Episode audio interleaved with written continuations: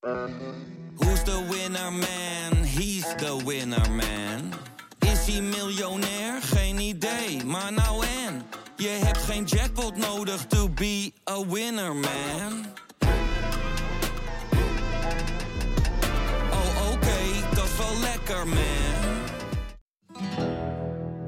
Je rijdt dus door een oorlogsgebied op een, op een vellig, terwijl het keihard regent en overal pikdonker wordt. Nee, we durven niet te stoppen. En eh, ja, eh, Joep is nooit bang. Joep Vermans, de kamerman, die was nu ook echt bang. Via podimo.nl slash gonzo luister je de eerste 30 dagen gratis naar Podimo. podimo.nl slash gonzo. Nou, de klassenstrijd is natuurlijk wel waar wij voor opgericht zijn. Als SP en als socialisten, waarin we ook geloven. En ehm, Ik lees trouwens maar één ding in uw verkiezingsprogramma over klassenstrijd. En dat gaat over klassen van maximaal 23 de kleine leerlingen. klassenstrijd, denk ik, is dat. Ja, mooi is dat. Hè? Ja, die voeren we ook. De kleine klassenstrijd. eh, voor kleinere klassen. Dit is Betrouwbare Bronnen met Jaap Jansen.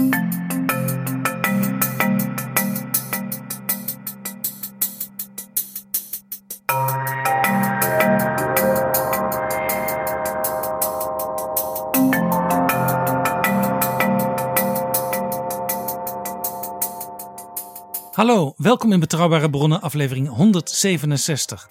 Voordat ik naar mijn gast ga, wil ik eerst de nieuwe vrienden van de show bedanken. Dat zijn de mensen die de afgelopen dagen een donatie hebben gedaan om Betrouwbare Bronnen mede mogelijk te maken. Welkom nieuwe vrienden Jeroen, Marius, Teun, JLP, Arjan, Joost, Dav, Paul, Lucas, Margreet en Aad. Welkom allemaal, dank voor jullie donatie. En eh, als jij ons ook zou willen steunen, ga naar vriendvandeshow.nl slash bb en we zijn je eeuwig dankbaar.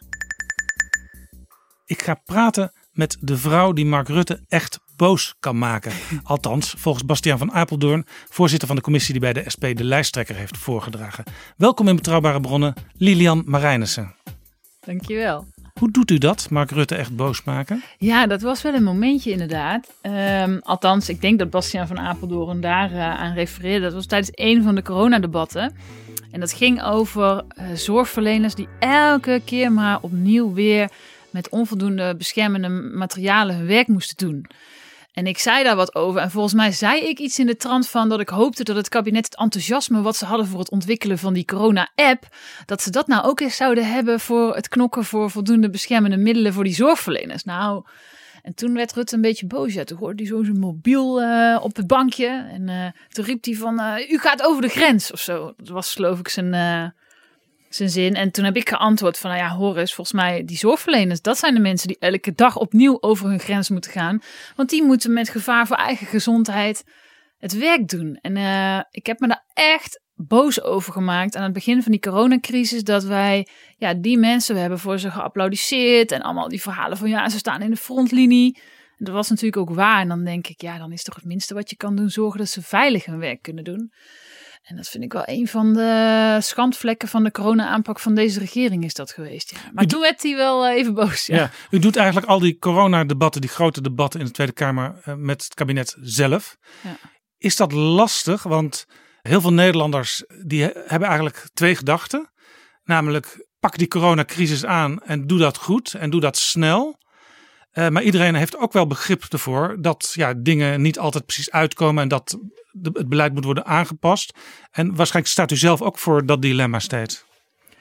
Ja, en eh, ik denk dat je ook aan het begin van de coronacrisis zag dat eh, toen nog heel erg ook ja, de onzekerheid en de angst overheerste.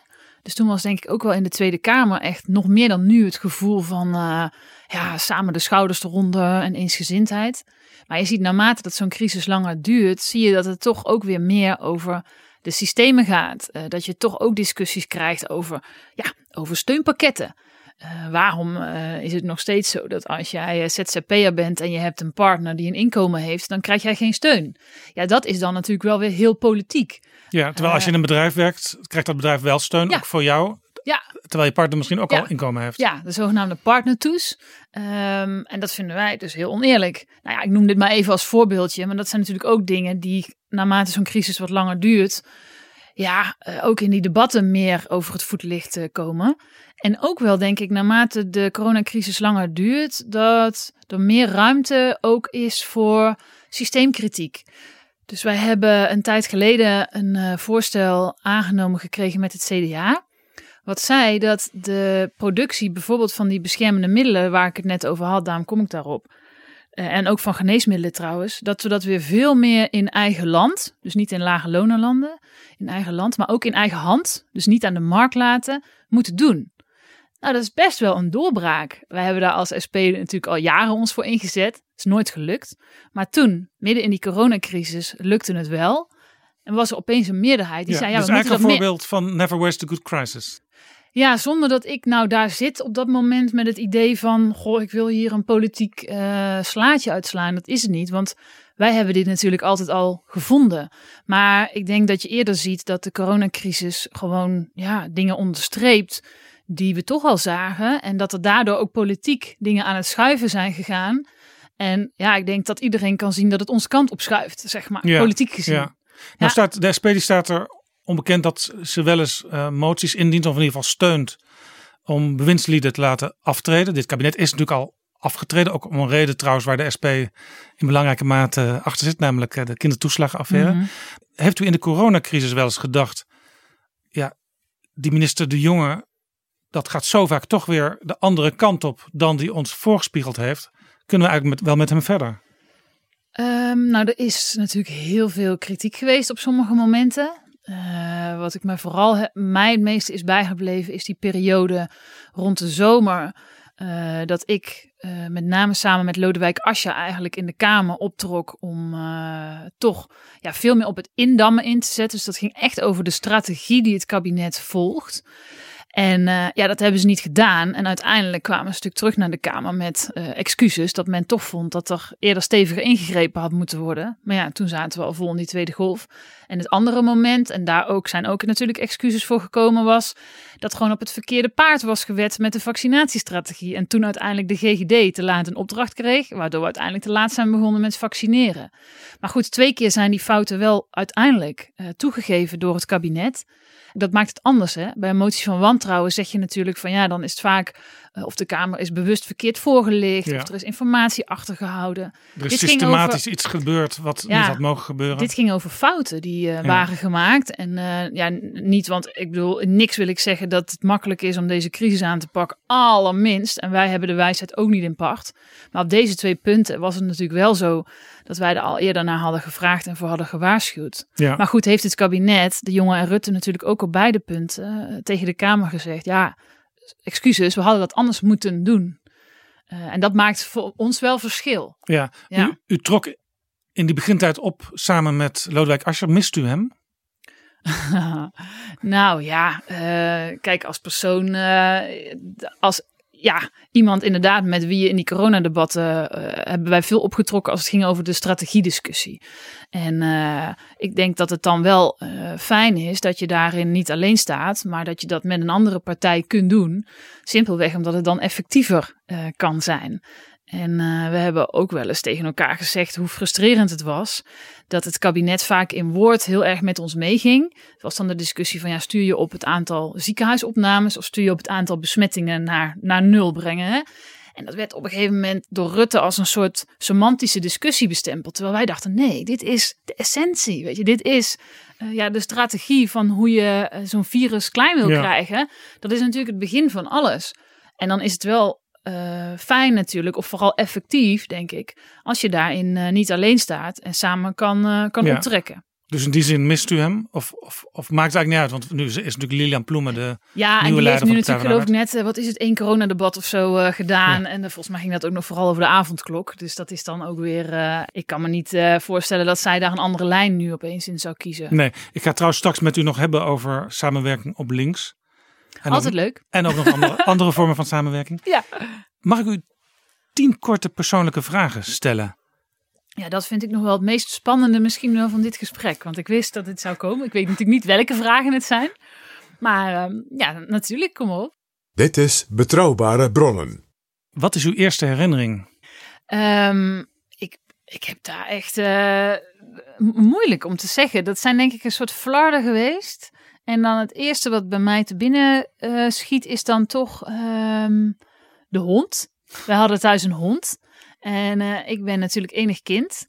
Dus ja, de hond was wel altijd, die was altijd, zeg maar. Dus daar heb ik wel herinneringen aan. Ik heb ook heel veel eh, liefde voor dieren. Dus dat, ja, en, zeker als kind. Maar ook wel mijn oma. Dat zijn ook wel eerste herinneringen. Dat ik daar ook vroeger veel tijd heb doorgebracht. Ook wel heel graag was. Dat is de, de moeder van mijn vader, zeg Ah, ja. maar.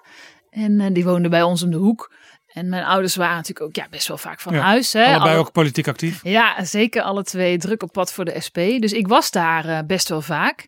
En daar heb ik ook wel. eh, maar ja, je eerste. Weet jij dat van jezelf? Kan jij zo je eerste echte herinnering noemen? Nee, dat is ook, dat is Zou ook ik lastig. knap vinden. Ik herinner me dat ons huis verbouwd werd en dat er overal stof was. Dat, is- dat is het eerste wat ik me herinner. grappig, ja. Ja, Maar dat, ja, het is heel lastig. Het is Ja. ergens als je 2,5 bent of zo, dat, dan begint dan dat moet het ergens. ongeveer zijn Ja. geweest, toch? Ja. Ja. Nee, ik merk dat bij mij een soort van flarden zijn, dat wel. Maar om nou één moment te noemen, dat, eh, dat gaat me vreselijk niet lukken. Nee. Maar u weet vast nog wel wat u als kind wilde worden. Ja, dat heeft met die dieren te maken. Dat was namelijk dierenarts. Ik wilde vroeger heel graag dierenarts worden, want ik had daar echt ehm, ja, zo'n romantisch beeld van, van dan kun je dieren beter maken. En eh, ja, dat leek me echt helemaal. En ik was natuurlijk eh, gek op, nog steeds, maar als kind zeker gek op dieren. Maar goed, later bleek dat je natuurlijk dan goed moest zijn in de exacte vakken. Nou, dat was ik helemaal niet. dus op een gegeven moment ging die droom eh, aan diggelen. En hoe zit dat nu? Want als fractievoorzitter moet je natuurlijk ook wel een klein beetje kunnen rekenen. Ja, oh ja, maar dat, eh jawel, ik heb dat daarna ook wel ingehaald hoor. Ik heb eh, in mijn opleidingen verschillende, ik heb politicologie eh, gestudeerd. Eh, maar ik deed dat eh, zeker mijn bachelor aan de Radboud Universiteit en die had een heel zwaar economisch accent. Dus ook heel veel met economie, eh, eh, nou ja, colleges en vakken gedaan en zo. Dus nee, dat is wel, dat zit wel goed. Maar goed, je moest dan ook in de biologie en de natuurkunde en de scheikunde en zo, weet je wel, goede punten halen. Dat lag mij gewoon allemaal niet zo. Dus uiteindelijk ja, is het toch wat anders geworden. En toen dacht u politicologie, want dan kan ik nog alle kanten Ja, uit. Nou dat herinner ik mij wel. Dat, eh, ik was toen eh, net 18 of nog niet eens. Want ik ben van juli. Ja, en dan moet je kiezen wat je gaat studeren. Nou, ik, eh, eigenlijk ging het inderdaad zoals jij zei. Ik had eigenlijk geen idee wat ik wilde doen. En toen dacht ik, nou dan kies ik maar politicologie. Want nou ja, dat had dan wel een beetje mijn interesse. Ik werd toen net gekozen in de gemeenteraad van Os als, als toen nog jongste raadslid van Nederland. Eh, dus dat liep dan tegelijk op. En toen dacht ik van, nou, dat is misschien wel leuk, want dan kan ik de theorie, namelijk eh, de universiteit, en de praktijk, namelijk de gemeentepolitiek, kan ik dat combineren. Dat had ik zo'n beetje Het bedacht. staat wel heel ver van elkaar af, hè? want ik heb zelf ook politicologie Ja. gedaan. Nou, daar kwam ik dus ook achter. ja, daar kwam ik dus ook achter, inderdaad. En ik heb daarna wel eh, mijn master aan de Universiteit van Amsterdam gedaan. En die had veel meer een, een, ja, een sociaal eh, eigenlijk eh, accent. Meer dan de Radboud Universiteit. En dat sprak mij wel, wel aan. Toen ben ik ook meer de eh, theorie en gedrag, meer de filosofische kant opgegaan. En Ja. daar ben ik uiteindelijk op afgestudeerd. Ja. Is er een historische figuur waardoor u geïnspireerd bent? Ja, eh, dan zou toch het eerste in mij opkomen Mandela. Eh, en dat is natuurlijk totaal niet origineel. Nee, dat heb ik wel vaker mensen horen Oh, dat zal zeggen. wel. Ja, dat is vast en zeker. Maar ik dacht, ja, dat hoeft misschien ook niet. Eh, maar dat staat natuurlijk voor zo eh, veel. Het staat voor strijd, maar het staat ook voor verzoening. Het staat voor idealen. Maar ook even de, de praktische vertaling. Nou, ook wel een van mijn, niet mijn eerste, maar jeugdherinneringen. Was namelijk dat de SP eh, Mandela Festivals organiseerde toen ik klein was. Dus heb je het over jaren, eind jaren 80 zo, begin jaren 90 denk ik. En dat was om het ANC in Zuid-Afrika te steunen. De SP was een van de eerste partijen die dat eh, ook openlijk deed. Eh, ik geloof dat mijn vader ook nog in Zuid-Afrika op het ANC-congres toen is uitgenodigd door Mandela. En eh, ja, de SP organiseerde die concerten. Dat waren muziekconcerten met, met ja, popartiesten.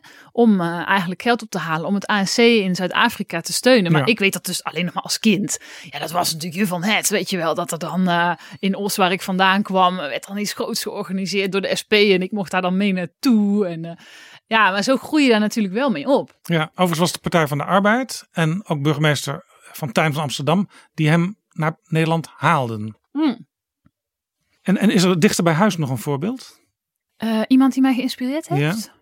Nou, ja, heel dicht bij huis is het misschien toch wel mijn moeder. Die, eh, dat is wel leuk, want het gaat natuurlijk eigenlijk altijd over mijn vader, want die kent iedereen. Ja, Jan Marijnissen. ja. En uw moeder is Marian Marijnissen. Klopt, ja. Marianne Marijnissen. En eh, nou, zij is ook al eh, heel erg lang actief voor de SP. Raadslid, wethouder. Ja, exact, in Os geweest. Maar wat, wat ik nog mooier vond, is dat zij eh, ehm, ervoor gezorgd heeft dat er een speeltuin in Os is gekomen. En toen was ik ook nog eh, kind, dus dat is dan natuurlijk super gaaf dat je moeder dat regelt.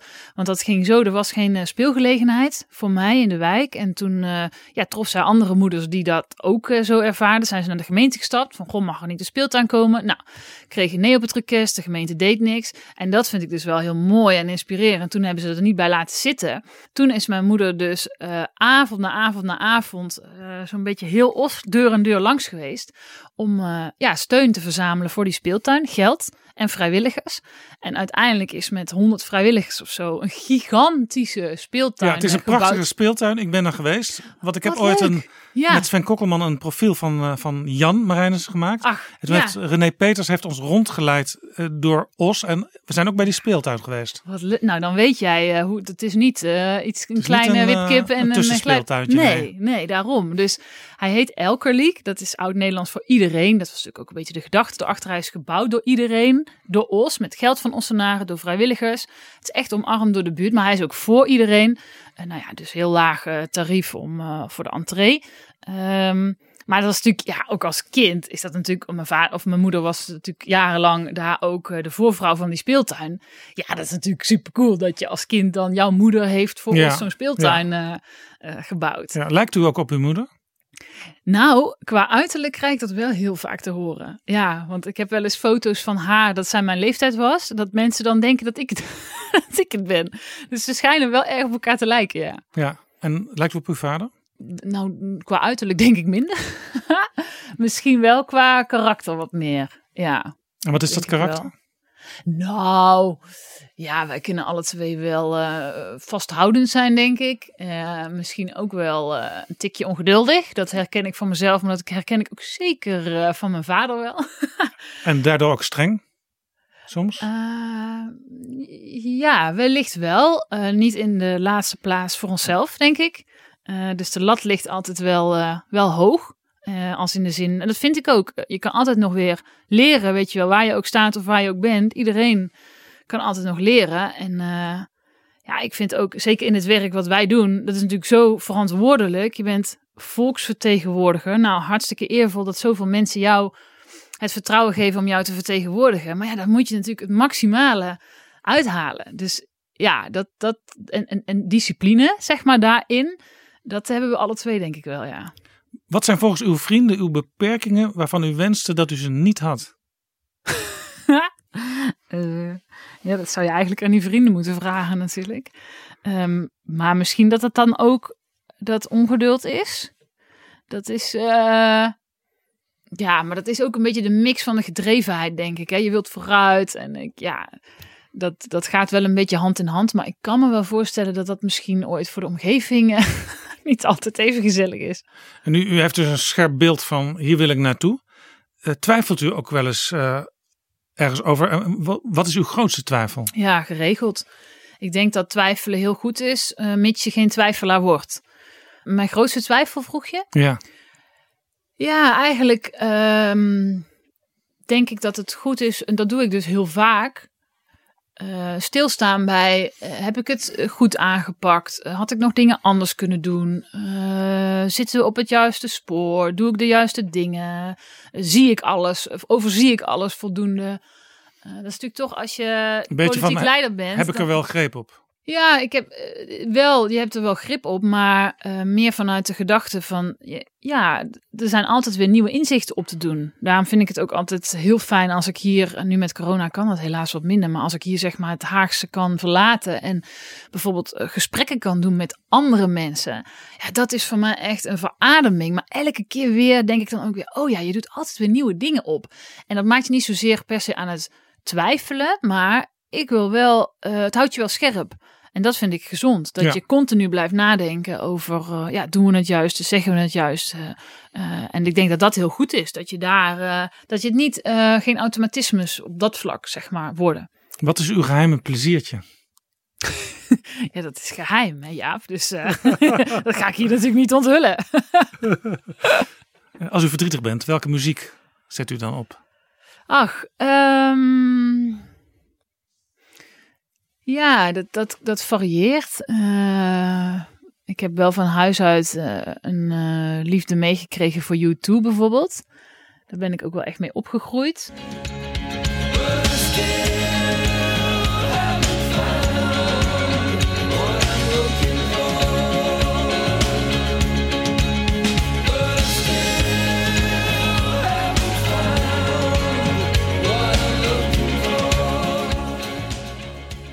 Dat, maar dat kan ik ook eh, goed opzetten als het eh, wel goed gaat. Hoor. dus daar luister ik graag naar. Maar daar zitten wel een aantal mooie nummers eh, tussen. En zingt u dan ook mee? En dan ga jij dadelijk vragen, laat eens wat horen. Dus dan zeg Dat ik maar ik veilig nee. Oh, oké. Nou, dan kan ik ja zeggen.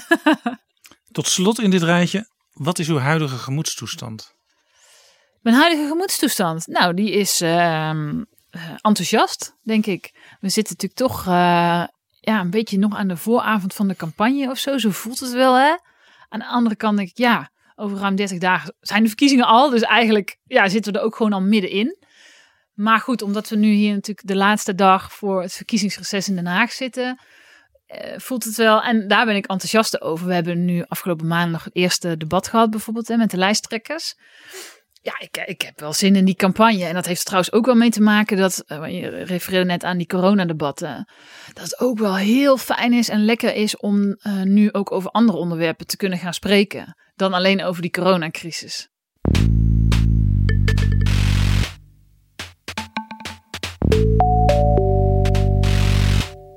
Het zijn uw eerste verkiezingen als lijsttrekker, want Ja. de vorige keer was Emiel Roemer natuurlijk nog de lijsttrekker. Verwacht u een hoge opkomst bij deze verkiezingen? Nou, dat, eh, daar stel je me een vraag, want daar maak ik me dus echt ontzettend zorgen om. Ik hoop het natuurlijk van harte, maar ik, ik verwacht het dus niet. Dat zie je ook in andere Europese landen. Hè. Heb ik een beetje even gekeken. Die verkiezingen hebben gehouden in coronatijd. Is eigenlijk overal de opkomst al echt wel flink lager. Hoe komt dat? Ja, angst natuurlijk, denk ik, mensen. Ehm, en wij hebben ons ook echt eh, nog steeds, trouwens, spannen ons in voor veilig stemmen. En ik vind echt dat daar te weinig aan eh, gebeurt. Dus bijvoorbeeld dat briefstemmen, hè, wat dan alleen voor 70-plussers is. Ja, hoezo? Er zijn ook andere kwetsbare mensen van onder de 70. Nou, laat die dat ook doen. Eh, we hebben echt ingezet op meer stembureaus. Nou, nu mag er dan ook maandag en dinsdag gestemd worden. Maar als je dan kijkt bij gemeenten, hebben ze soms maar een handjevol stembureaus. Ja, dus dat, dat mag nauwelijks een naam hebben. Ehm, dus ja, dan maak ik me wel echt wel zorgen eh, om. Ja, Want eigenlijk is elke stem, dat vind ik wel, Ja. dat is toch een blamage voor de democratie. Weet je, iedereen die eigenlijk wel zou willen gaan stemmen, maar die dan door de coronacrisis zich niet veilig voor genoeg voelt om te gaan stemmen. Dat zouden ons toch allemaal moeten Ja. aantrekken. U, u, de- u denkt, mensen zijn bang om te gaan stemmen, want ja, corona. Maar ik, er, is, er speelt misschien nog iets anders. Hmm. Als je naar de peilingen kijkt, dan zit er eigenlijk al heel lang niet zoveel beweging in. Is misschien paradoxaal, want we zitten in de grootste crisis na de Tweede Wereldoorlog. En toch is er niet heel veel beweging in dat politieke veld. Heeft u daar een verklaring voor? Ja, dat is voor mij natuurlijk. eh, ik heb daar zelf geen onderzoeken naar gedaan. Ik kan alleen maar mijn eigen gedachten daarover geven. En die liggen in lijn eigenlijk met wat jij eh, toch ook wel verwoordt. Dat, eh, dat ik denk dat juist omdat het afgelopen jaar alleen maar over de coronacrisis is gegaan. Kijk, en uiteindelijk wil iedereen dat er voldoende testen zijn. En wil iedereen dat er voldoende gevaccineerd wordt. En ja, dan kan je daar wel politieke discussie over hebben. Maar uiteindelijk wil iedereen toch gewoon: hé, hey, hallo, we moeten door die crisis heen. En eh, samen de schouders eronder. Maar ik denk, en daarom hoop ik dus ook wel echt dat er nu eh, de komende ruim 30 dagen meer ruimte is voor andere onderwerpen. Want ja, we hopen toch dat we dadelijk in een gevaccineerd land zitten. Maar je gaat wel in principe naar de stembus voor de komende vier jaar. En dan zal het nog steeds gaan over dat je geen betaalbaar huis kan vinden. En dan zal het nog steeds gaan over dat het eigen risico te hoog is. Eh, en dan zal het nog steeds gaan over de hoogte van het minimumloon. Noem het allemaal maar op. Dus ik, eh, ik heb wel de verwachting, eh, maar ook wel de hoop dat het dus de komende weken ook wel echt over die thema's zal gaan. En dat het dan ook wel meer een politieke strijd wordt. Ja, maar zou het ook niet kunnen, doordat alles en iedereen op dit moment toch enigszins naar links opschuift. Eh, de VVD is er al een tijdje mee bezig, het CDA nu ook. Eh, zelfs VNO-NCW en MKB Nederland Ja. die hebben deze week gepleit voor een hoger minimumloon en winstdeling voor werknemers. Ja, ja. Terwijl toen wij met de initiatiefwet voor winstdeling kwamen, werden we natuurlijk nog een beetje voor gekke Henkie eh, weggezet. Ja, nee, dat is. Ja, het gevaar is dus misschien wel dat u de politieke winst niet kunt incasseren. Ja, en aan de andere kant denk ik wel dat mensen ook eh, verstandig genoeg zijn om door de mooie beloftes heen te prikken. Omdat ik denk dat, zeg maar, de VVD bijvoorbeeld donders goed analyseert dat hun oude verhaal, dat dat gewoon niet meer werkt. Dus het oude verhaal van de zogenaamde trickle-down. Weet je wel, als het maar goed gaat met de grote bedrijven en goed gaat met de rijken, dan zijpelt het vanzelf door en dan gaat het goed met iedereen. Nou, dat denken, inclusief het neoliberale denken dat de markt de verlosser is van alles, dat is wel failliet. En dat, eh, ik denk dat zij wel heel goed inzien dat een nieuw verhaal nodig is. Maar het is natuurlijk totaal niet eh, hun visie op de samenleving. En eh, ik denk dus echt, en dat zal ik eh, in ieder geval met verven in de campagne naar voren gaan brengen, dat een grote SP de enige garantie is op dat die verandering ook daadwerkelijk gaat plaatsvinden. Ik bedoel, we hebben gezien hoe fragiel het is bijvoorbeeld met het verhogen van het minimumloon.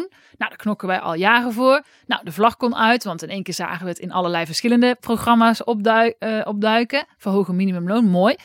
Maar du moment dat het CDA een lijsttrekkerswissel doet, haalt Hoekstra het weer uit zijn programma. Ja, Hoekstra Dus- zegt overigens wel, het gaat er mij om dat onder de streep mensen meer te besteden krijgen. Ja. Dus het effect is hetzelfde, zegt hij. Ja, nou ja, goed, dat, dat, eh, moeten we dan, eh, dat moeten we dan zien. Vooralsnog denk ik en denk ik gelukkig ook steeds meer andere partijen dat het verhogen van het minimumloon niet meer dan rechtvaardig is. Als je ziet dat ook de Rabobank becijfert dat de reële inkomens van mensen de afgelopen 40 jaar gewoon nauwelijks Ja. zijn Nee, maar gestegen. het, het punt is dus eigenlijk dat u hoeft het niet eens te beargumenteren, want het wordt al overgenomen. Ja, maar dat denk ik dus niet, dat het wordt overgenomen. Ja, het wordt nu, een paar weken voor de verkiezingen, in woord overgenomen. Ja, maar dat hebben we natuurlijk vaker gezien. Ja. En laten we eerlijk zijn, straks hebben we een eh, hopelijk gevaccineerd land. En dan gaat het over wie gaat die rekening van die coronacrisis betalen. En we hebben vorige crisis gezien hoe dat heeft uitgepakt in een kabinet P van de A en VVD. Toen zijn de verzorgingshuizen gesloten, toen is er gekort op de pensioenen, toen is de sociale werkvoorziening er aangegaan en noem het allemaal maar op. 77.000 mensen in de zorg hun baan verloren, die we nu heel goed hadden Ja, kunnen gebruiken. Maar Dus- ook daarvan zegt ja. nu een partij als het CDA, die sociale werkvoorziening, die moet weer terugkomen. Nou ja, dat doen ze dus mede met ons op ons initiatief. Dus dat is, dat is mooi, eh, dat is succes. Dat, eh, dat, en de lukt. VVD steunde deze week notabene een motie om de huren voor dit jaar te bevriezen. Ja, dat was weer een SP-succes inderdaad. Dat is het bevriezen van de huren voor sociale huurwoningen. Nou, ook daar hebben we jarenlang voor geknokt. En het is mooi dat nu, maar ja, inderdaad, met de verkiezingen in zicht. Maar goed, het lukt. Het is een succes. Eh, de huren gaan 1 juli eh, niet omhoog voor mensen die in een sociale huurwoning eh, wonen. Maar laten we niet vergeten hoe lang we daar de hele kabinetsperiode hebben we daarvoor moeten knokken.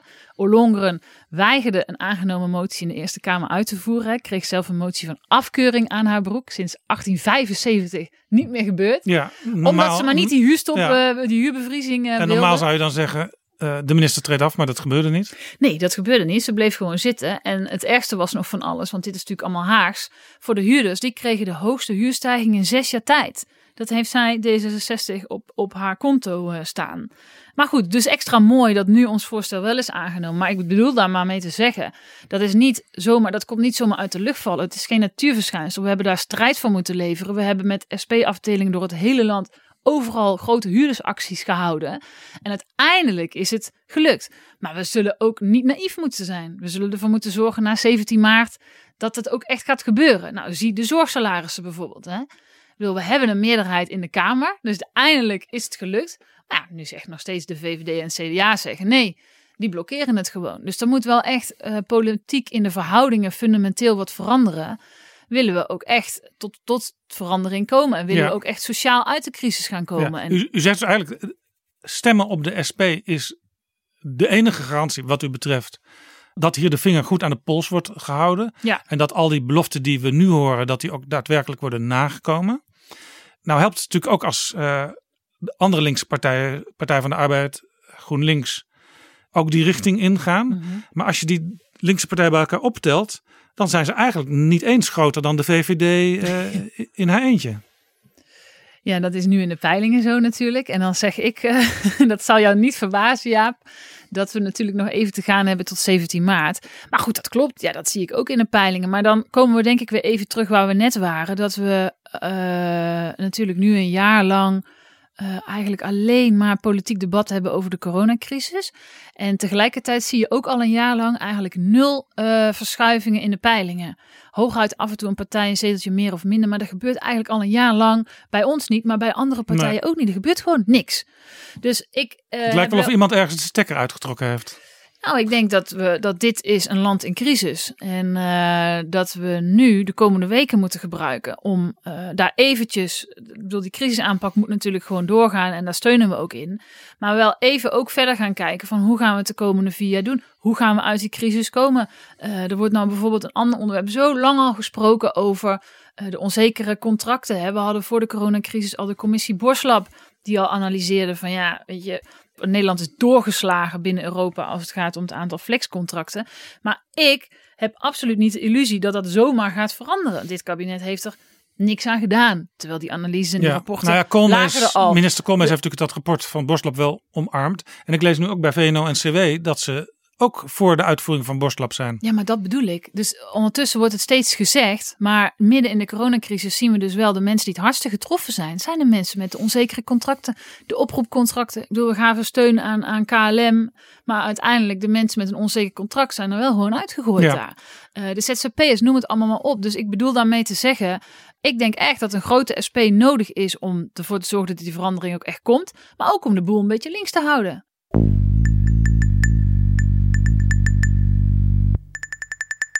Over links gesproken, eh, u stond een jaar geleden in de Tolhuistuin in Amsterdam met Partij van de Arbeid en GroenLinks.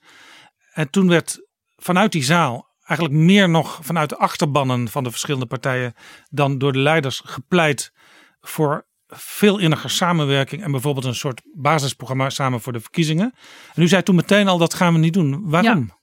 Nou, om, om heel eerlijk eh, te zeggen, kwam, kwamen die vragen en geluiden ook echt eh, vanuit eh PvdA en GroenLinks achterban. er is geen één SP'er die ik daarover heb eh, gehoord. Bij ons is daar namelijk helemaal geen enthousiasme voor. En ik heb het idee dat dat bij de achterban van PvdA en GroenLinks, ja, dat, dat weet ik niet hoor, dat moet je ook zelf met ze bespreken. Maar dat bleek op die avond in ieder geval wel, dat, dat daar meer enthousiasme is voor, eh, nou ja, daar ging het zelfs over fusies en zo op zeker moment. Ja. Nee, maar mensen die niet eh, actief lid zijn van een partij, maar misschien wel stemmen op een linkspartij potentieel, die denken al heel veel jaren van, kunnen ze nou toch niet Mm. inniger gaan samenwerken? Want ze zijn het toch voor, nou laten we zeggen 90%, misschien wel meer met elkaar eens. Hm, hm. Ja, ehm, maar tegen die mensen zou ik graag willen zeggen dat we denk ik juist de afgelopen periode hebben laten zien, tenminste ik heb me daar wel voor ingespannen, met Jesse Klaver en eerder Lodewijk Asscher en nu natuurlijk met mijn naamgenoot Ploemen, om op concrete punten maximaal samen te werken. Want kijk, iedereen snapt dat je samen sterker staat dan alleen. Iedereen snapt dat je eh, in een coalitieland leeft, et cetera, Ja. et cetera. Eh, en ik denk dat we op punten, bijvoorbeeld eh, toen het afschaffen van de dividendbelasting of zo, nou, daar hebben we echt toen samen opgetrokken, Ja, samen Dat werkte ook gemaakt. heel goed. En dat u is gelukt. U vormde ook wat ze dan in de Tweede Kamer noemen treintjes achter de interruptiemicrofoon. Hè? Ja, Dus als de een klaar was met een vraag, dan kwam de ander. En zo kon de minister-president niet wegkomen. Uiteindelijk heeft hij het bijltje er eigenlijk maar bij neergegooid. En ja. is die afschaffing van de dividendbelasting niet doorgegaan. Dus dat was heel succesvol. Ja, en we hebben dat eh, ook geprobeerd bijvoorbeeld met de zorgsalarissen. Eh, nou, wij zijn als SP daar wel steeds in voorop gegaan. Maar ik heb steeds wel geprobeerd daar de samenwerking met PvdA en GroenLinks eh, te zoeken. Dus ook op 5 september, toen we de grootste online zorgactie ooit hadden, hebben we dat ook samen met hun gedaan. Eh, juist om te laten zien dat de punten waar je het over eens bent, ja, daar kunnen we prima samen optrekken. En dat, dat is ook efficiënt gebleken, of effectief eigenlijk, effectief gebleken. Dus dat Ja, smaakt naar maar meer. toch ook wel bij u een voorbehoud van ja, we, we doen dat niet altijd. We doen dat niet Nee, automatisch. Nee, nee, nee, zeker niet. Omdat we simpelweg natuurlijk ook niet over alles eens zijn. Eh, dat hoeft ook niet. We zijn ook verschillende partijen. Ik denk dat je ook niet moet onderschatten dat eh, de achterban, maar ook de, de partijorganisatie, de partijcultuur van ons is een andere. Eh, zonder dat ik een oordeel heb hoor, over die van de PvdA of van GroenLinks. Maar wij zijn natuurlijk toch vooral een partij van de straat. Ja, Eh, ik wil, wij weten hoe het is om eh, bij, ja, bij mensen te komen, met mensen te spreken die in een huurwoning wonen die je niet kan betalen en die nog Ja. tochtig is. ja u bent heel erg bekend weer. van de huisbezoeken, hè? aankloppen en met mensen praten. Gebeurt het eigenlijk in coronatijd ook nog? Nou, we proberen dat eh, wel inderdaad. We hebben daar ook wel eh, trucjes voor bedacht. Dus we hebben de zogenaamde anderhalve meter mat. Om, om het precies af Ja, te kunnen die meten? kun je zo uitrollen, zeg maar. En dan kan je op een veilige manier eh, het gesprek aangaan. En we merken, misschien verbaas je dat, dat mensen dat juist ontzettend waarderen in deze tijd. Ja, Omdat, ja, er is natuurlijk ook, ook best wel veel eenzaamheid, ook maar heel veel zorgen. En eh, kijk, natuurlijk moeten we het super aanpassen. En we kunnen echt bij lange na niet doen wat we allemaal zouden willen doen Nee. op dit moment. Dat is echt ook wel frustrerend gewoon. Het is een beetje campagne voeren met je handen op de ja rug maar, u- soms. maar u zegt, wij zijn meer dan Partij van de Arbeid GroenLinks van de straat. Maar u bent soms ook wel van samenwerken op terreinen waar eh, GroenLinks en Partij van de Arbeid dat niet doen. Bijvoorbeeld onlangs eh, heeft u de regering aan een meerderheid geholpen bij het stikstofprobleem oplossen. Dat klopt. En dat was omdat wij eh, het echt onverantwoord vonden en vinden om de woningbouw nog langer in het slop te laten zitten. Die ligt natuurlijk al een hele tijd stil vanwege de stikstofproblematiek. We vinden dat het kabinet er echt een potje van heeft gemaakt. Voor alle duidelijkheid, als wij zelf eh, dat hadden, die wet hadden mogen maken, dan hadden we het ook, had het er ook echt wel anders uitgezien. Maar voor nu dachten we, is het echt belangrijk dat die woningbouw vlot getrokken wordt. Eh, het is ook gelukt om meer geld vrij te maken voor zorgbuurthuizen, wat echt een speerpunt is van ons. Dat ouderen in een kleinschalige zorginstelling in je eigen wijk oud kunnen worden. Ja. Maar ook woningen achterlaten waar dan weer jongeren snel in kunnen, starters. Want die hoeven niet immers nog Nee. gebouwd te worden. Wat Kortom, jaren er, zijn, er, zijn, er waren voordelen te behalen. Zeker, en de stikstofreductie is natuurlijk ook die ambitie is Ja. flink opgeschroefd. Het beschermen van de natuur. En toch waren ze bij GroenLinks en Partij van de Arbeid niet blij. Die vonden het eigenlijk maar vreemd dat de Ja, SP dat kan. eh, dat kan en dat mag. En dat laat ook zien dat we soms verschillende keuzes maken. Kijk, zij hebben bijvoorbeeld rondom het pensioenakkoord een andere keuze gemaakt. Zij hebben daar in het kabinet eh, gesteund. Ja, dat vonden wij. eh, wij hebben daar echt een andere afweging Ja, in waarom gemaakt. eigenlijk? Want het idee van dat pensioenakkoord was toch juist dat het voor iedereen beter zou worden en dat je niet de angst zou hoeven hebben, eh, bijvoorbeeld als jongere, dat er als jij eenmaal oud bent niks meer overblijft. Ja, wij zien dat dus echt anders. Eh, wij willen de AOW-leeftijd omlaag, niet nog verder omhoog.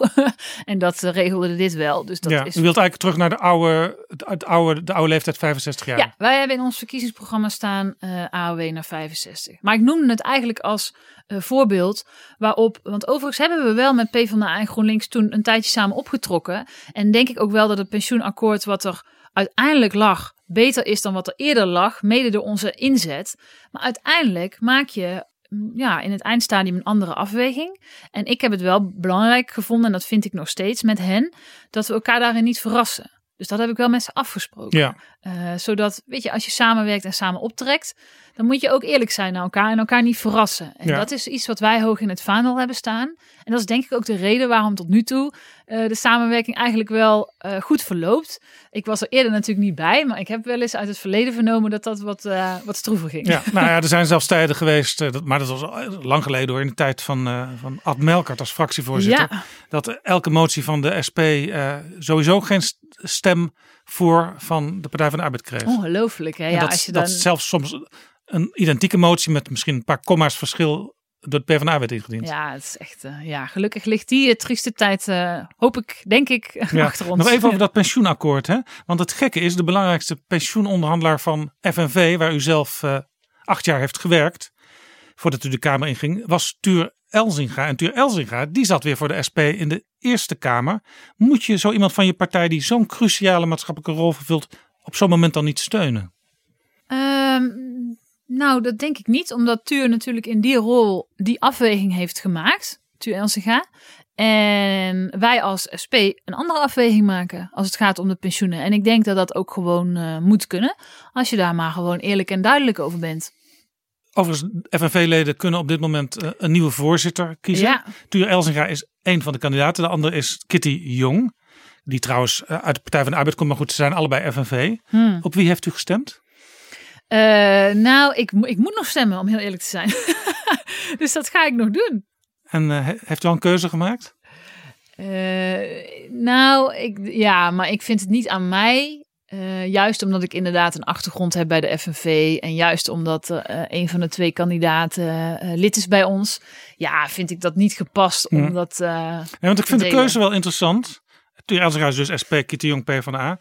Maar ze hebben eigenlijk in hun campagne een, een soort ja, andere richting. Eh, eh, Kitty Jong is meer van eh, het actievoeren. En Tuur Elzega is eigenlijk meer van het poldermodel en compromissen sluiten. Ja, ik zag zoiets ook. Maar ondertussen zag ik dat ze alle twee ook weer heel druk waren. Kitty Jong met zeggen, ja, maar ik kan ook onderhandelen. En Tuur met zeggen, ja, maar ik kan ook actie voeren. Dus ik was eerlijk gezegd dat spoor een, be- een beetje bijster, om eerlijk te zijn. Ja, ik denk, kijk, je zei, ik heb inderdaad acht jaar lang bij de FNV gewerkt. En het zal geen geheim zijn dat ik me daar heel hard heb ingezet voor een koers van de vakbeweging. Ik vind echt een vakbeweging, kom aan. Als je kijkt nu in de coronacrisis, we hadden het net al hè, over de doorgeslagen onzekere contracten. Maar ook het hele gevecht over het minimumloon. Wat overigens de FNV wel goed doet, vind ik, hoe ze dat op de kaart zetten. Ehm, maar ja, wat mij betreft mag er wel eh, een tandje bij. Ik bedoel, we komen immers uit de jaren van super economische voorspoed. Laten we dat niet vergeten. De eerste jaren van Rutte gingen natuurlijk allemaal voor de wind. En het kon niet op. En de winsten waren hoog. En de uitkeringen aan aandeelhouders waren nog hoger.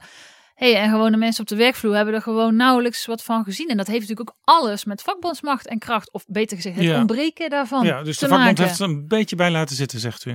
Nou, de vakbond moet gewoon veel krachtiger worden en veel meer investeren in eh, ja, kracht opbouwen op de werkvloer. Want uiteindelijk is het gewoon een belangentegenstelling en zul je het moeten afdwingen. Want anders was het inderdaad wel eh, vanzelf gegaan op het moment dat het beter ging met de economie. Maar we zien dus dat dat niet werkt. En zelfs als het gaat inderdaad over het temperen van de topsalarissen, was notabene Rutte, weet je nog, die op dat VVD-festival zei van, eh, ja, eh, ik vind het niet kunnen dat de topsalarissen wel omhoog gaan. Het moet naar mensen op de werkvloer. Weet je, je moet het afdwingen als vakbond. En dat heeft alles met vakbondsmacht te maken. En ik heb dat zelf in mijn tijd ook gezien. Overigens is dat wel soms best wel wrang. Ik deed natuurlijk de ouderenzorg CAO, bijna een half miljoen eh, medewerkers.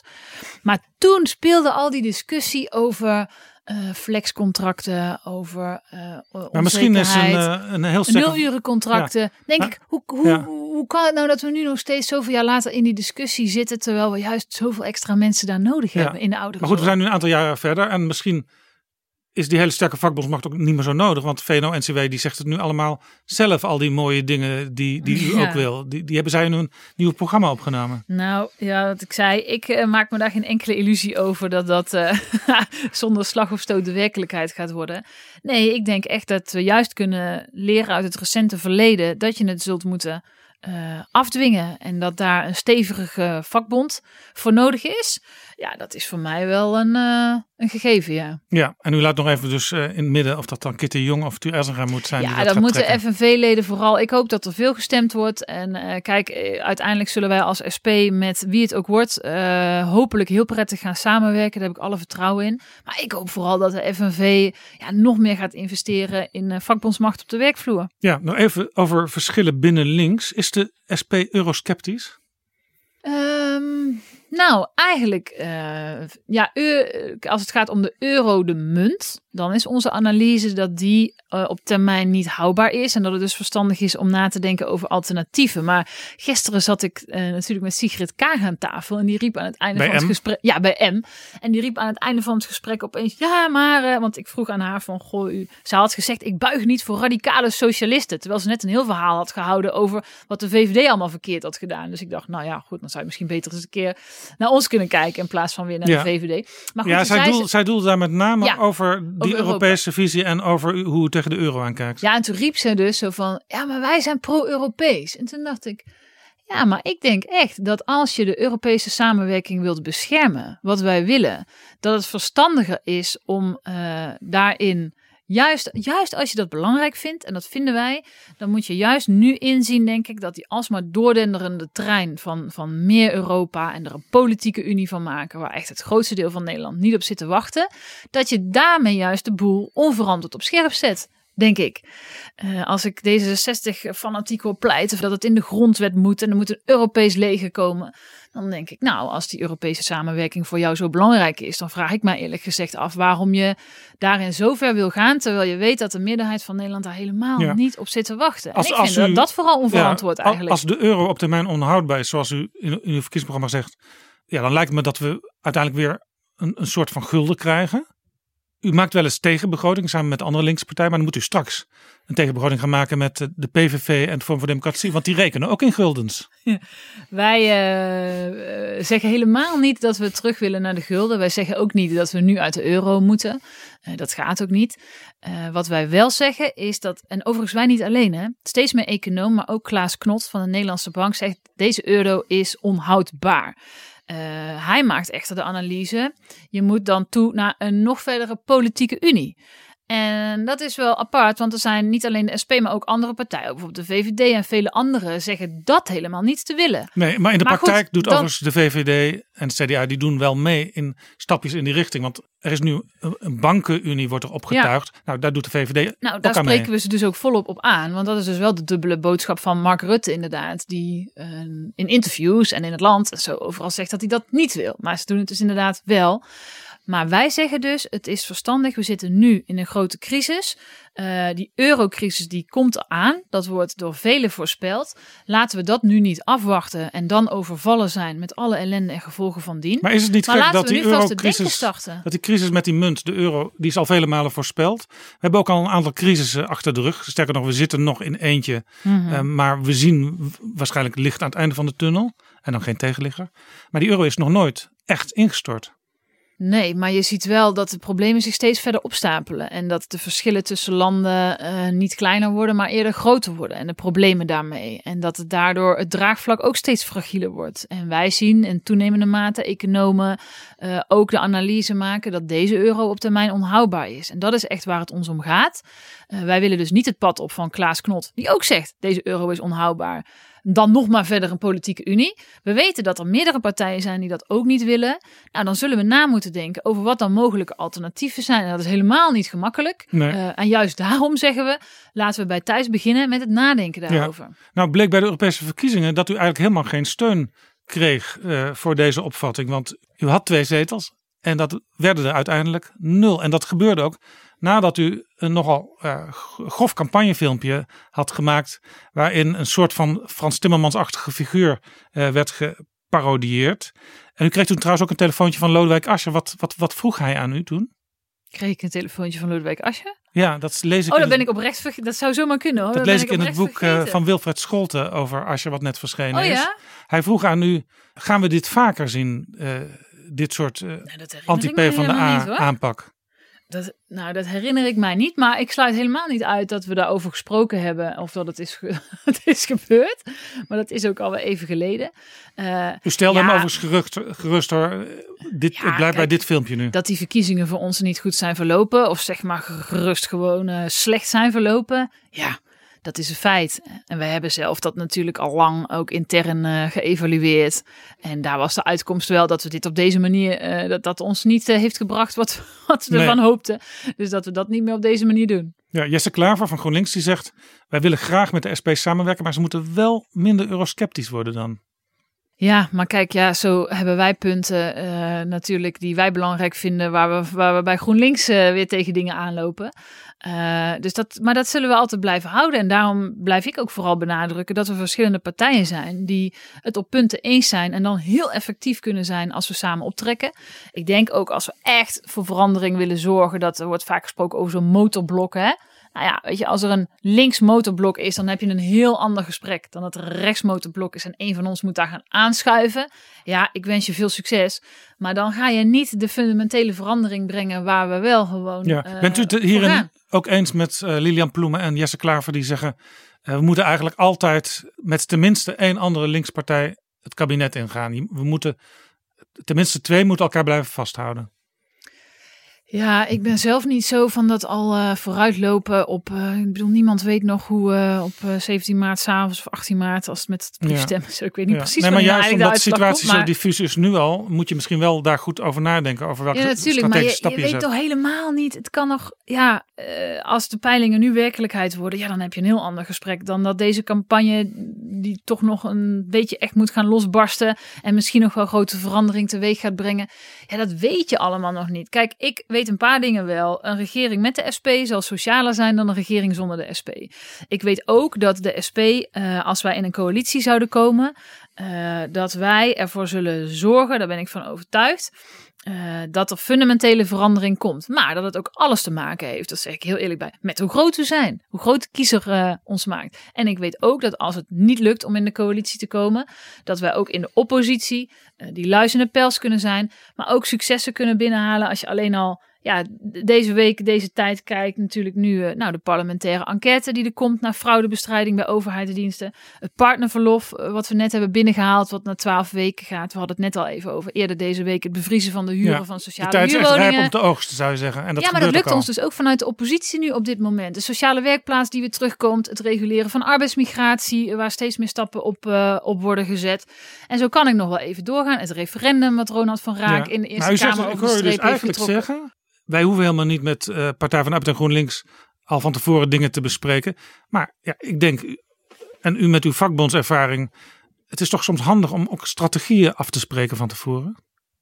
Zeker, en dat kan uh, ook enorm helpen in de debatten. Je noemde daar zelf net al een voorbeeld van uh, hoe wij bijvoorbeeld de agenda willen bepalen, waar het over gaat, over welke thema's. Nou, dan is het super handig om uh, samen strategie te bespreken, om te kijken of je daarin samen kan optrekken, om dat voor elkaar te krijgen. Maar dat is wat anders dan nu al ja, een soort formatiegesprekken gaan, gaan houden. Ik denk, we moeten zorgen op eigen kracht dat we hopelijk alle drie zo groot mogelijk worden.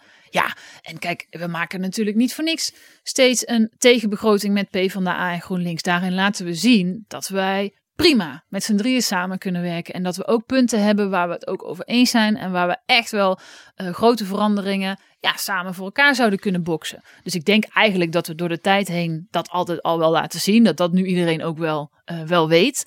Uh, maar dat het nu zaak is om ervoor te zorgen dat we groot worden uh, na 17 maart. Dit is Jaap Jansen met Betrouwbare Bronnen. Als het gaat over migratie en integratie, uh, waarom zou iemand dan SP moeten stemmen en niet PvdA of GroenLinks? Hmm. Omdat wij, um, ja, PvdA en GroenLinks moeten natuurlijk voor zichzelf spreken, maar omdat wij voor een uh, eerlijk migratiebeleid zijn. Wat ik is denk dat? Ook, nou, dat betekent dat je uh, opvang geeft aan vluchtelingen. Uh, dat, die, uh, dat we dat doen.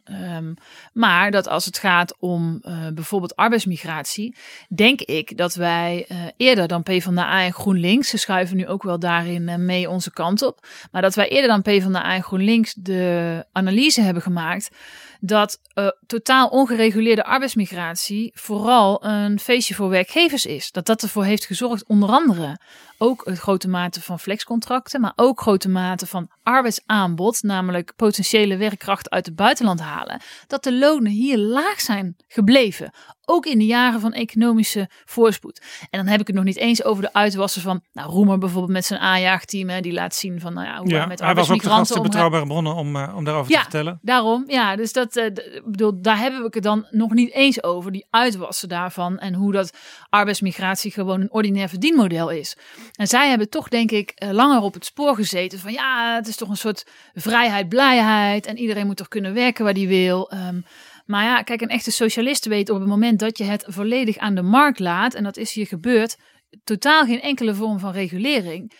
Ja, dan uh, wordt het, uh, de sterkste gaat dan winnen. En de sterkste is dan niet Maar- de arbeidsmigrant met zijn onzekere contract en zijn afhankelijkheid. Maar het socialisme is toch een internationale beweging? Juist daarom, Jaap. Juist daarom. Juist om werknemers te beschermen tegen uh, die marktmechanismen, tegen veel sterke werkgevers, tegen uitbuiting, is het, weten wij juist, dat het heel belangrijk is om die markt te reguleren.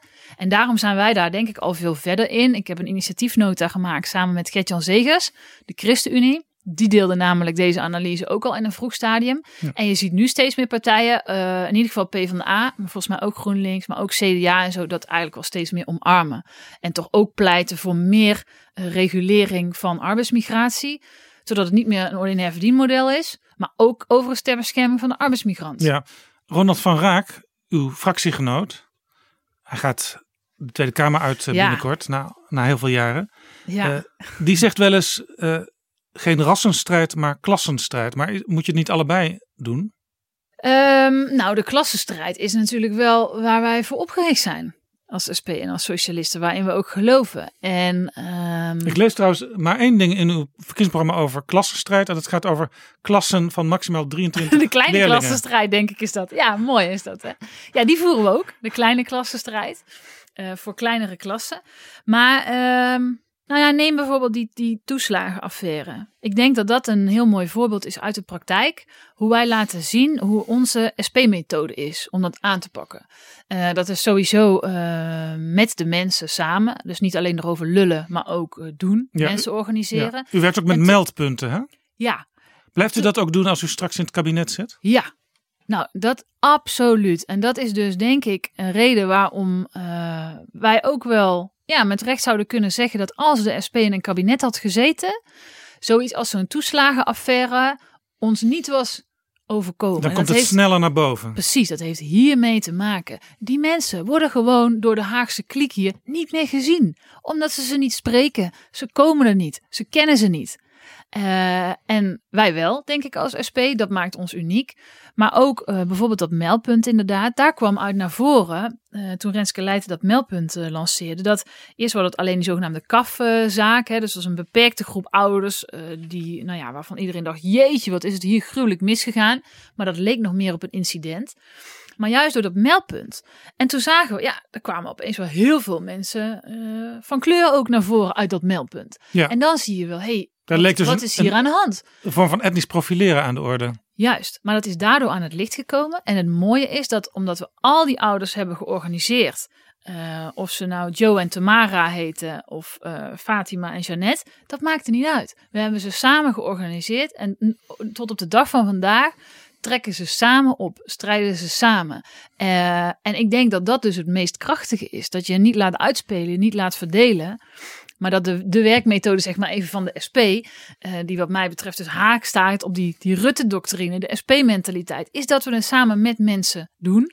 Eh, en dat is dan uiteindelijk een klassenstrijd. Ja, ik las een keer een tweet van u. Toen was er in eh, Os, waar u woont, sprake van kick-out Zwarte Piet. Zou daar op bezoek komen om racistische kostuums bij carnaval te bekritiseren.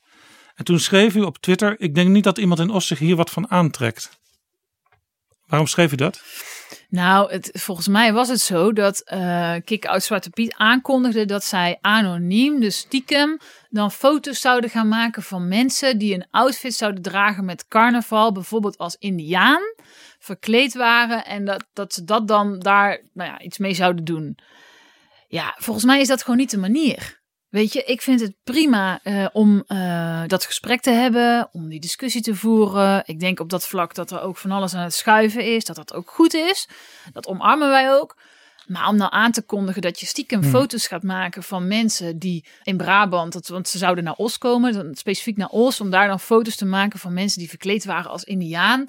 Ja, ik vraag me af of je de antiracisme-strijd daarmee nou een dienst bewijst. Ik denk het eerlijk gezegd niet. Dan doe ik het liever op de manier zoals wij het bij de toeslagenaffaire hebben gedaan. Ja. Namelijk echt samen met mensen knokken en ook echt voor zorgen dat het aan het licht komt.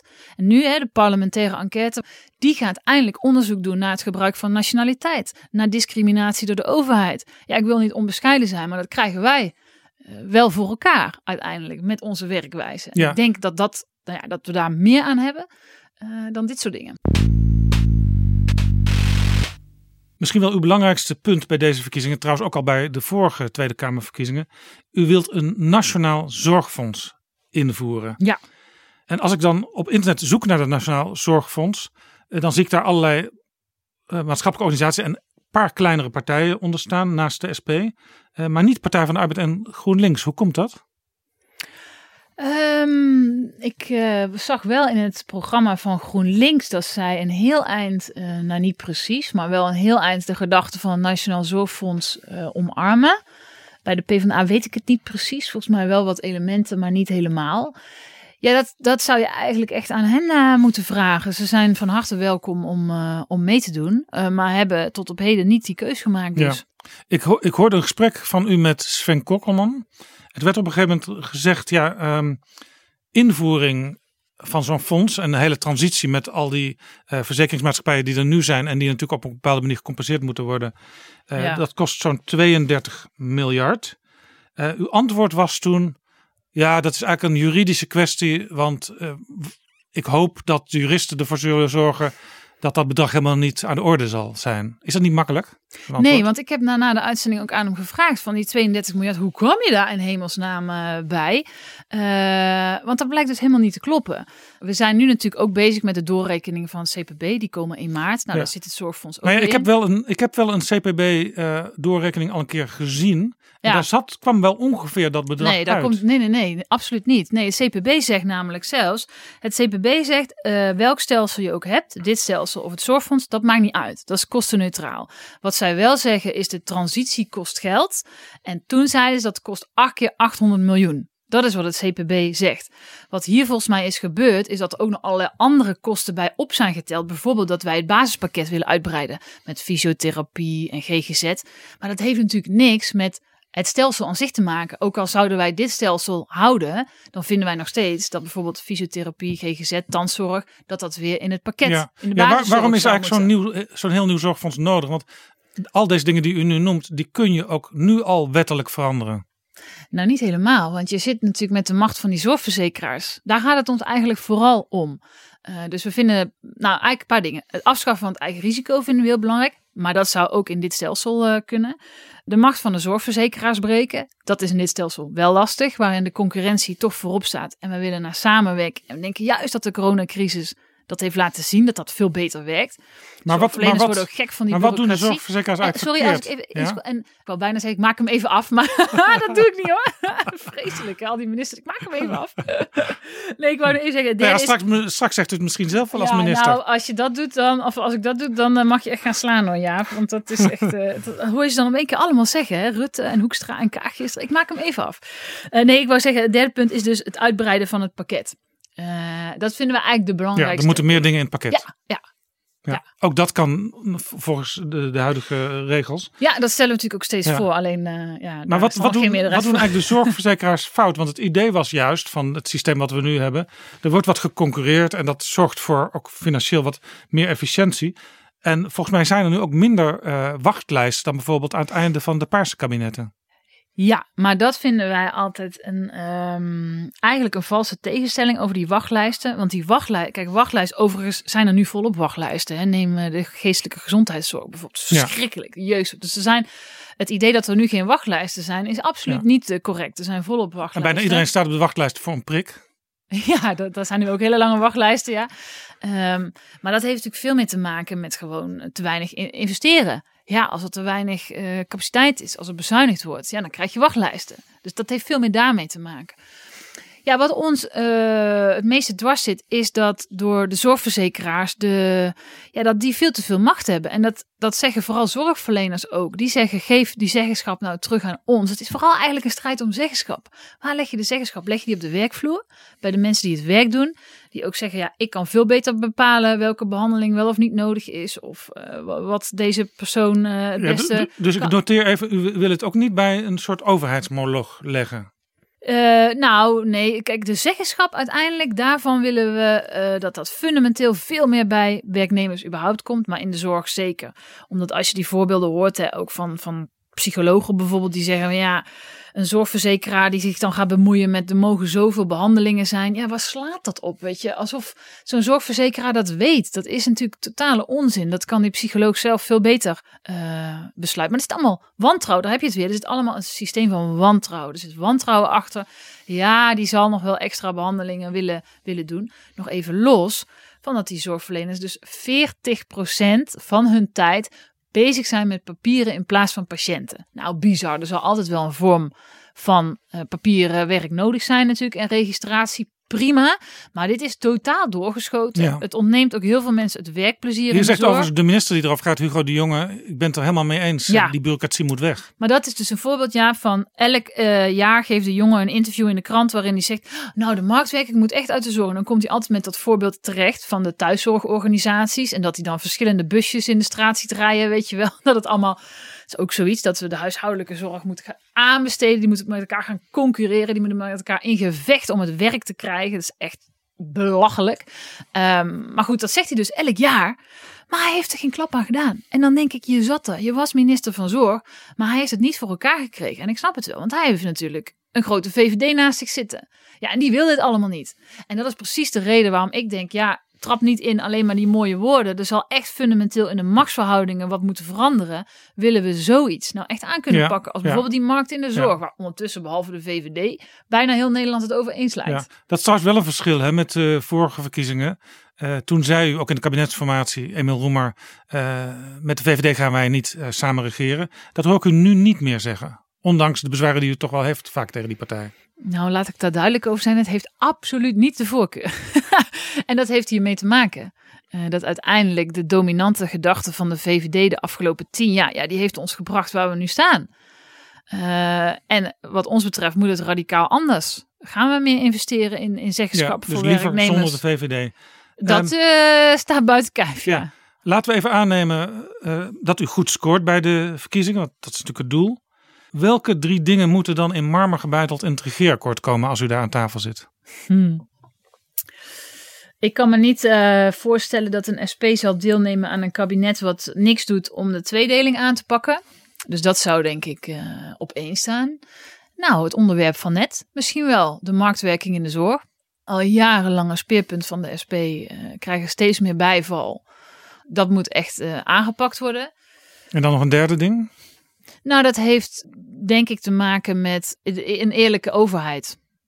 Eh, en dat is, dat is breed. Eh, dus we hebben net de toeslagenaffaire gehad, de parlementaire enquête die er nu eh, weer gaat komen. Ja, u, bent trouwens echt- nu bezig met een meldpunt over problemen die ervaren worden met het UWV Hm. en de bijstand. Ja. Kunt u al iets zeggen wat daar nu al uit naar voren komt? Het is net begonnen in december. ja, maar klopt. We, we hebben dat gelanceerd omdat wij eh, als Kamerleden gewoon wel heel vaak daar berichten over kregen van mensen. Dus dan moet je denken aan mensen die inderdaad een klein foutje hebben gemaakt, maar meteen keiveel geld moeten Ja, terugbetalen. eigenlijk Of- vergelijkbaar met wat er in de toeslagenaffaire dat, gebeurde. Dat was het. De parallellen met de toeslagenaffaire. En dat zien we nu bij een eerste lezing van die meldingen eigenlijk ook al wel.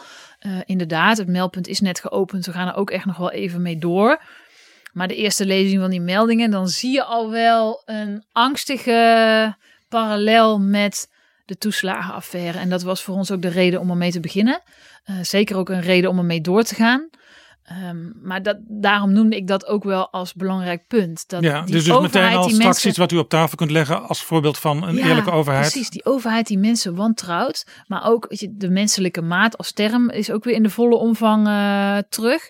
Dat heeft hier natuurlijk ook wel mee te maken. Dat mensen gewoon, de, hoezo konden die mensen die slachtoffer zijn van de Belastingdienst... niet gewoon met hun map met papieren onder de arm... naar het kantoor van de Belastingdienst op zoek naar een oplossing. Dat hebben we allemaal kapot georganiseerd. Het is allemaal weg. Weet je, mensen kunnen nergens meer terecht... Eh, en dat heeft dus tot zulke ellende ook geleid. Eh, dus een overheid die er voor de mensen is, die de bondgenoot is in plaats van de vijand. Ja, dat is eh, iets wat we inderdaad met de huidige VVD overigens nog niet echt zien, zien gebeuren. Maar wat wel moet gebeuren. Dit is Betrouwbare Bronnen, een podcast met betrouwbare bronnen.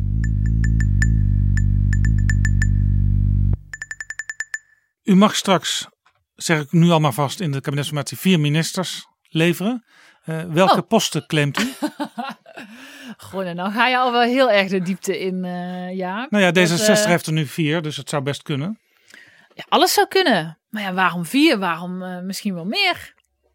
Ja, dat, weet, dat vind ik moeilijk, want dat zal zo afhangen van, van de Nou, noem maar drie. En eh, ja, joh, ik kan zoveel noemen Twee wat wij willen. Eén desnoods. Ik, ik, ja, we, willen, we hebben zoveel eh, onderwerpen natuurlijk die ons nou aan het hart maar gaan. als u nou echt diep in het hart kijkt, hè, waar zou u het liefst een SP'er zien? Ja, premierschap natuurlijk.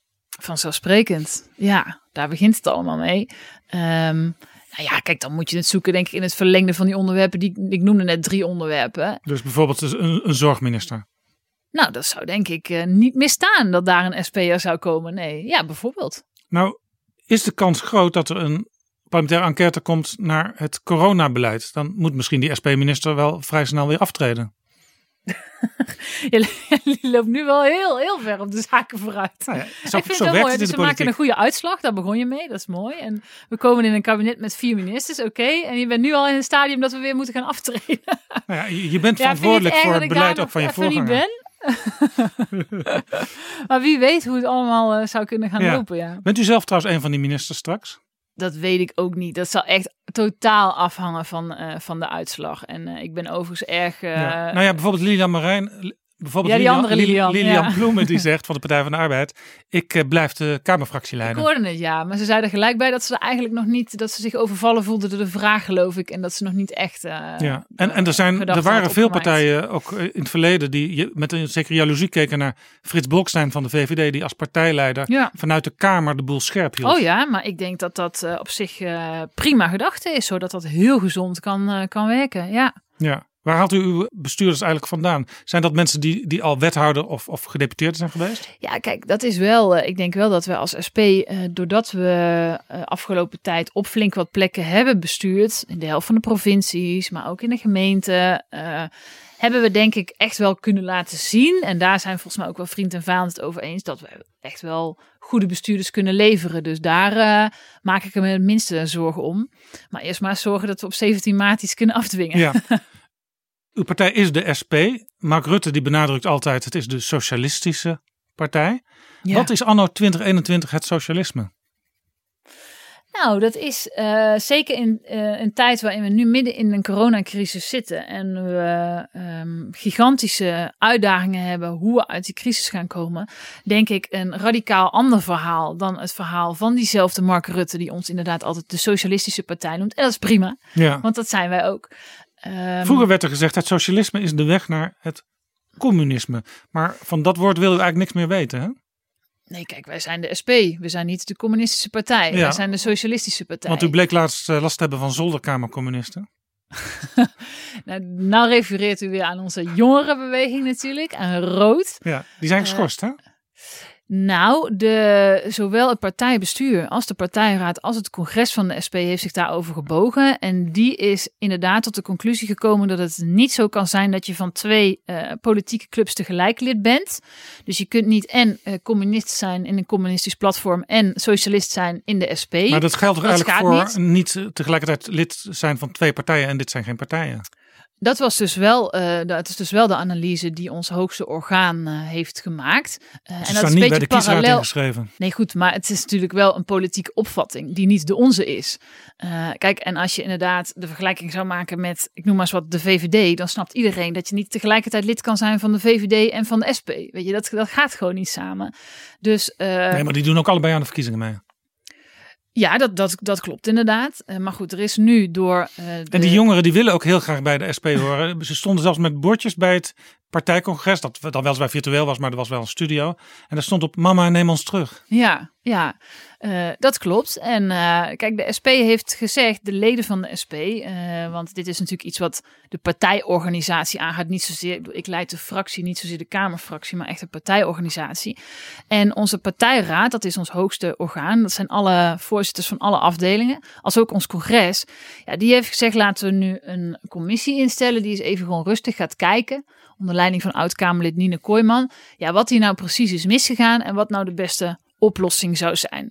Ehm, nou, en het lijkt mij verstandig dat we die commissie ook even de tijd en de ruimte geven om dat eh, goed te doen. Dus dat wacht ik rustig af. Ja, een van uw favoriete beelden, ik heb u daar wel eens eh, zien staan, is de dokwerker in Amsterdam. Ja. Eh, die is, dat is een soort herinnering aan de februari-staking van 1941. Dat was een staking die door communisten is georganiseerd. Zou je toch dan de communisten ook niet wat meer op die manier moeten eren van, eh, en ook blij moeten zijn als mensen zich communist noemen, want ja, dat Oh, staat maar ik ben, voor. eh, als ik even kan, altijd aanwezig bij de herdenking van die februari-staking. Eh, net zoals heel veel andere SP'ers, weet ik. Natuurlijk. Dus dat staat buiten kijf. Maar dit is, dit, dit, dit is iets heel anders. Dit ging erover dat gezegd is: je kan niet lid zijn van een communistisch platform. En tegelijkertijd nota bene een bestuursfunctie vervullen bij de jongerenbeweging in de SP. Want dat Ja. is de keuze die onze partij heeft gemaakt. We hebben een jongerenbeweging in de SP. En dat, dat gaat niet samen. Nee. Nou goed, en daar gaat die commissie nu, die is daar nu mee eh, aan de slag. Ja. Welk land stelt u aan Nederland ten voorbeeld? Waar, waar is het socialisme al echt wat dichterbij gebracht? Ja, ik ga daar eigenlijk nooit. Wij hebben onze eigen vorm in Nederland van, van ons socialisme. Ja, maar dat maakt het wel, dat maakt het wel onduidelijker voor mij als Ja. kiezer. Weet ik eigenlijk niet, want ik denk al die vergelijkingen met het buitenland, ja, de context is daar heel anders. Eh, dus dat, ik vind dat eerlijk gezegd vooral heel ingewikkeld. Eh, wij kijken daar eh, niet naar. Natuurlijk, Nee. je kunt lessen leren van het buitenland waar, waar het goed gaat of waar inspirerende voorbeelden zijn. Maar wij doen het toch vooral op onze eigen manier. Ja. Of is het ook misschien een- gewoon niet mogelijk? Want als je de internationale vergelijkingslijstjes ziet, dan zie je dat Nederland eigenlijk eh, overal in de top 10 of in de top 5 staat. Sterke economie, lage werkloosheid, Hm. gezonde overheidsfinanciën. Mensen zijn hoog opgeleid, innovatief. Ondanks de kindertoeslagaffaire is er een relatief betrouwbare overheid. We staan in de top 5 met de beste regelingen voor sociale zekerheid, zorg en pensioenen. En we staan ook nog eens in de top 6 van de gelukkigste bevolkingen ter wereld. En in september zei UNICEF, Nederland heeft de gelukkigste jeugd ter wereld. We hebben eigenlijk niet zoveel meer te wensen. Hmm. Nou, Nederland is een heel mooi land. Dat is, dat is zeker een feit. Maar tegelijkertijd zie je ook, we hadden het net al even over dat de Rabobank becijferd heeft dat bijvoorbeeld het reëel inkomen van mensen al 40 jaar eigenlijk niet vooruit gaat.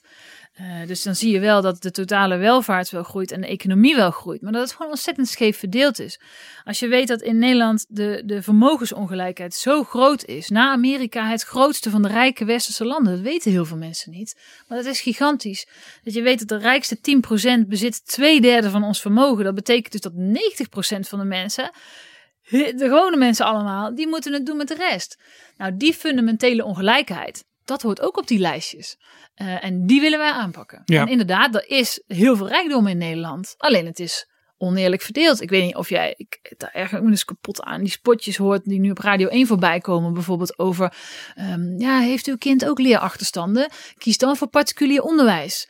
Ja, dat is eh, het Nederland van, eh, van de VVD. Dat is Ja, die tweedeling. Dat hè? Dus zou als niet moeten mogen, hebben, zoiets. Nee, goed onderwijs moet toch voor alle kinderen zijn. Ongeacht of je ouders een dikke portemonnee hebben. En dat geldt op alle gebieden. Hè. Eh, Veiligheid, de particuliere buurtwachten die in de rijke wijken voortaan rondrijden.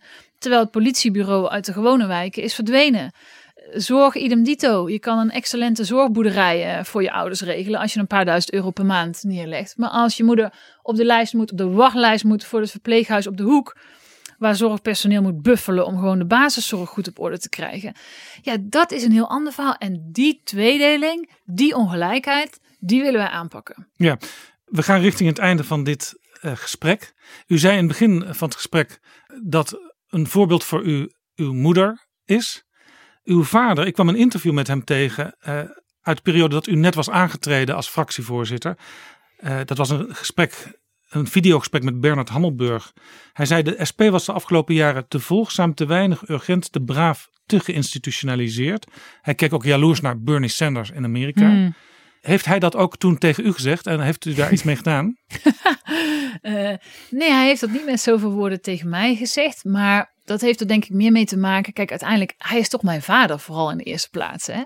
En eh, ik merk bij hem heel erg, en dat waardeer ik ook, dat hij ehm, mij totaal eh, vrij wil laten in eh, alles wat ik eh, doe, wel of niet doe, wel of niet zeg.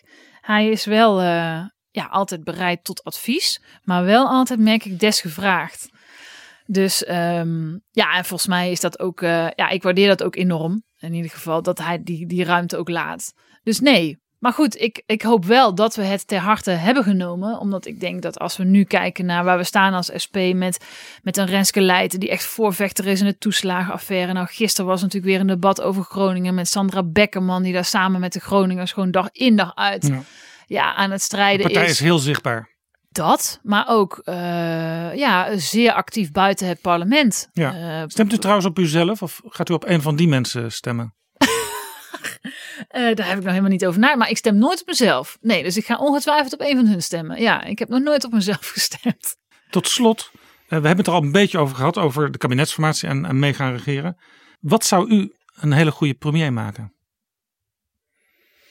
Nou, denk ik, eh, de SP natuurlijk. Dat is uiteindelijk waar, waar ik ook het voor doe. En ik denk het mooie van ons is dat wij. Kijk, we, zi- we horen nu steeds breder omarmd dat het neoliberalisme. eh, dat dat op zijn eind loopt. Ja, iedereen zegt het, tot en met VNO-NCW aan toe. Juist. En het mooie is natuurlijk van de SP en dat wat ons ook uniek maakt, dat, dat wij dat natuurlijk al decennia lang zeggen. En dat maakt ook dat wij al decennia lang de tijd hebben besteed aan nadenken over hoe dan wel. En dat is misschien ook de reden, ik noemde net eerder in het gesprek een paar voorbeelden alleen al van deze week van ja, successen die we als SP hebben behaald. Dus u zegt eigenlijk, ja, als iedereen het inmiddels vindt, dan, dan is er eentje die dat echt kiest voor het origineel, toch? Zeker. Dank u wel voor dit gesprek.